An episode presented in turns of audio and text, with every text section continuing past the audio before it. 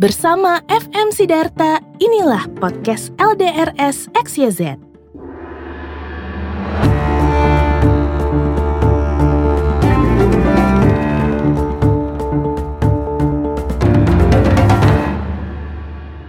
Hari-hari ini kita semakin terbiasa mendengar istilah new normal. Kita harus siap hidup dengan new normal katanya setelah pandemi ini berakhir. Semua orang, rakyat biasa, para pejabat, bahkan sampai presiden menggunakan istilah yang sama, new normal. Sampai-sampai mungkin sudah sama seperti istilah milenial yang saking terlalu sering digunakan sampai orang kehilangan konteksnya. Istilah new normal mulai digunakan pertama kali sebagai tanggapan atas krisis finansial tahun 2007-2008 dan juga akibat dari resesi global 2008 sampai 2012. Nah, kemudian terminologi ini digunakan juga dalam berbagai konteks yang berbeda. Yang intinya mau menggambarkan sesuatu yang sebelumnya dianggap tidak biasa, sesuatu yang dianggap abnormal, kemudian menjadi hal yang biasa. Hal yang harus diterima sebagai hal yang harus dihadapi setiap hari, sehari-hari. Entah itu dalam konteks kehidupan pribadi, keluarga, organisasi sosial, dan apalagi bisnis. Saya sendiri berpendapat saat ini kita sudah meninggalkan old normal dan hidup di dalam kondisi new normal. Apa itu old normal? Old normal adalah kebiasaan kita terdahulu sebelum pandemi ini terjadi. Dan saat ini kita sedang dalam berada dalam kondisi new normal di tengah pelaksanaan PSBB atau pembatasan sosial berskala besar yang berlangsung di berbagai wilayah. Work from home, contohnya, yang dulu sebelum pandemi ini terjadi dikenal dengan istilah lain. Ada yang menyebutnya flexible workplace, ada yang menyebutnya telecommuting, ada juga yang menyebutnya mobile atau remote working. Dan di banyak perusahaan hanya dilakukan satu, dua, mungkin tiga hari dalam seminggu. Meskipun ada perusahaan yang memang sudah melakukannya seminggu penuh. Sekarang ini, work from home sudah menjadi new normal dan berlangsung sudah lebih dari sebulan dan dijalankan oleh mungkin seluruh perusahaan di seluruh dunia dengan skala tertentu, dengan level masing-masing. Nah, aplikasi yang digunakan untuk menjalankan rapat dalam work from home itu kemudian juga digunakan untuk banyak hal lain. Sekolah, kuliah, seminar, dan training online, reuni, bahkan pertemuan keluarga online, dan juga pengadilan online. Ngezoom yuk, sudah sama rumrahnya dengan ngemol yuk. Jadi, work from home adalah sudah merupakan bagian dari situasi new normal.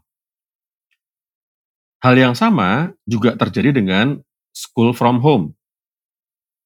Dan semua yang kini dipaksa berlangsung secara online. Termasuk di dalamnya adalah belanja online, yang kini tidak hanya terbatas pada barang atau jasa yang dulu dianggap sebagai norma untuk dibeli secara online. Barang-barang elektronik, mainan, fashion, tiket, dan lain sebagainya. Kini, dalam suasana new normal, keluarga-keluarga Indonesia sudah terbiasa berbelanja produk-produk yang dulu tidak pernah dibayangkan akan dibeli secara online. Misalnya ikan, daging, telur, sayur, buah, dan barang-barang lain yang konsumen punya kecenderungan kalau tidak memilihnya sendiri, tidak yakin bahwa dia akan mendapatkan yang terbaik. Kalau dia tidak memilih sendiri, dia tidak yakin akan mendapatkan uh, tanggal kadaluarsa yang paling jauh. Namun, kondisinya saat ini berubah. Sudah bukan lagi old normal, tapi orang dipaksa berbondong-bondong untuk pindah belanja secara online untuk semua hal. Bisnis juga demikian, bukan hanya rapatnya, bukan hanya pertemuan pertemuannya yang dilakukan online, tapi proses penjualannya, persinggungannya dengan konsumen juga kini dibiasakan untuk dilakukan secara online. Jadi, kalau dikatakan new normal, saat ini kita sudah hidup dalam suasana new normal. Suasana yang berbeda dengan old normal. Hari-hari ini kita semua dipaksa untuk terus menyesuaikan diri dengan kondisi yang berubah dari hari ke hari. Dan situasi ini sudah menyentuh segala lapis kehidupan. Contoh lain misalnya soal uang. Dulu mungkin orang kalau masih bisa melakukan transaksi dengan menggunakan uang cash, maka dia tidak mau untuk melakukannya secara online menggunakan uang digital. Tapi sekarang karena ditambah juga dengan ketakutan terjadinya penularan penyakit, orang dipaksa pindah untuk melakukan transaksi dengan menggunakan uang digital. Kalau tidak terpaksa, tidak harus ke bank. Kalau tidak terpaksa, tidak harus ke ATM. Kalau tidak terpaksa, tidak mau terima uang kembalian.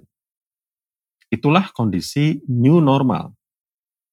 Nah, pertanyaannya, bila nanti PSBB, pembatasan sosial berskala besar ini, diputuskan untuk dilonggarkan, atau bahkan mungkin di beberapa wilayah dihentikan sama sekali, pertanyaannya, kondisinya akan seperti apa? Akan seperti apakah normal pada saat itu? kondisi normal itulah yang saya sebut sebagai the next normal. Kita tidak tahu seperti apa kondisi normal, yang kita tahu bahwa kondisi normal pada waktu nanti PSBB ini dicabut, atau seperti yang dikatakan oleh Presiden eh, Jokowi, kita harus hidup berdampingan atau harus berdamai dengan COVID-19, rasanya kita semua sepakat. Apa pun itu, kondisinya akan berbeda dengan keadaan normal yang dulu pernah kita alami, atau yang tadi kita sebut sebagai all normal, dan mungkin juga akan berbeda dengan kondisi yang sedang sekarang ini kita alami, yang disebut sebagai new normal. Kondisi normal yang belum kita alami inilah yang saya sebut sebagai the next normal. Jika saat ini kita survive dalam kondisi new normal, belum tentu kita nanti bisa survive dalam kondisi next normal. Jadi menurut saya, kini saatnya bagi para pemimpin untuk memikirkan apa yang diperlukan, apa yang harus disiapkan, agar kita tidak hanya survive atau bertahan di kondisi next normal tadi, tapi juga bisa memenangkan persaingan. Pemerintah Kanada mengatakan bahwa saat ini kita tidak sedang melaksanakan work from home. Tetapi kita sedang harus berada di rumah di tengah kondisi darurat atau krisis dan mencoba untuk terus bekerja. Artinya apa? protokol atau tata tertib work from home saat PSBB atau karantina wilayah, pada waktu nanti dilonggarkan, tentu akan berbeda dengan kondisi saat orang benar-benar dipaksa harus tinggal di rumah. Mungkin nanti ada pembagian kelompok tertentu atau jam tertentu atau karyawan di departemen tertentu yang seminggu misalnya dua atau tiga kali di rumah, dua atau tiga hari lainnya mereka masuk kantor. Jadi tentu akan ada protokol yang berbeda pada waktu kerja di rumah dan juga masih harus kerja di kantor. Perusahaan tentu harus menyiapkan semua ini. Ini kita baru bicara mengenai rapat, meeting, pertemuan, dan lain sebagainya. Bagaimana dengan tanggung jawab seorang pemimpin lainnya yang mungkin tertunda selama periode darurat atau krisis? Misalnya, karena menganggap bahwa kondisinya tidak akan berlangsung lebih dari dua atau tiga bulan, maka memberi feedback ditunda. Coaching ditunda. Recognition atau memberikan pengakuan penghargaan juga ditunda. Eh, project-project untuk sementara ditunda. Hal ini tentu tidak dapat diteruskan.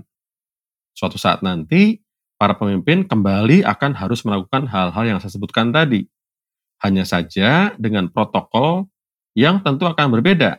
Bagaimana melakukan coaching secara online? Bagaimana memberikan feedback secara online? Bagaimana kita bisa menginfluence pemimpin lain untuk mensupport hal-hal atau proyek-proyek yang kita lakukan, tapi tidak melalui tatap muka. Semua harus dilakukannya secara online. Hal-hal ini yang menurut saya harus sudah mulai dipikirkan oleh para pemimpin. Atau mungkin keseluruhan tim ya. Hal-hal yang harus dilakukan secara rutin dalam kondisi memimpin dengan muka datar. Istilah yang diusulkan oleh teman saya, Mas Eko Nugroho, untuk proses memimpin menggunakan aplikasi tatap muka jarak jauh, di mana semuanya berwajah datar. Ian Davis, uh, salah seorang partner uh, McKinsey di tahun 2009,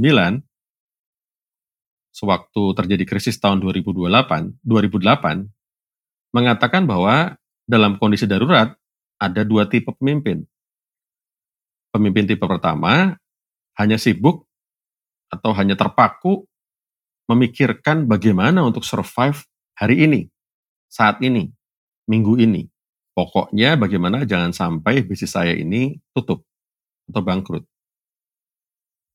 Pemimpin tipe kedua, selain dia memikirkan survival jangka pendek, dia juga berusaha melihat di balik kabut ketidakpastian masa yang akan datang, dan kita bicara masa yang akan datang ini bukan berpuluh-puluh tahun atau berbelas, ini kita bicara kabut ketidakpastian tiga bulan lagi, enam bulan lagi, mungkin paling jauh 12 tahun 12 bulan lagi.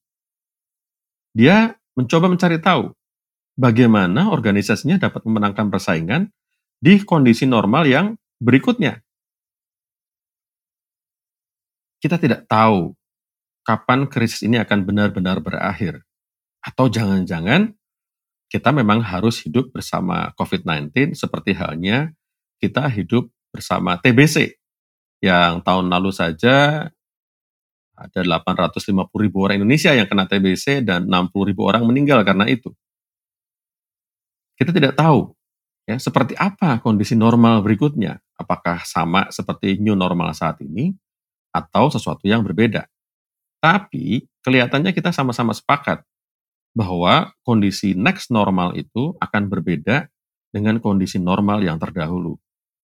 Nah, jika ada dua tipe pemimpin tadi, Anda sendiri tipe pemimpin yang mana? Podcast LDRS XYZ diproduksi oleh monkeymelody.com dan dipersembahkan oleh Kumara. Temukan informasi tentang board game, podcast, webinar, dan artikel tentang leadership dan followership melalui website ldrs.xyz.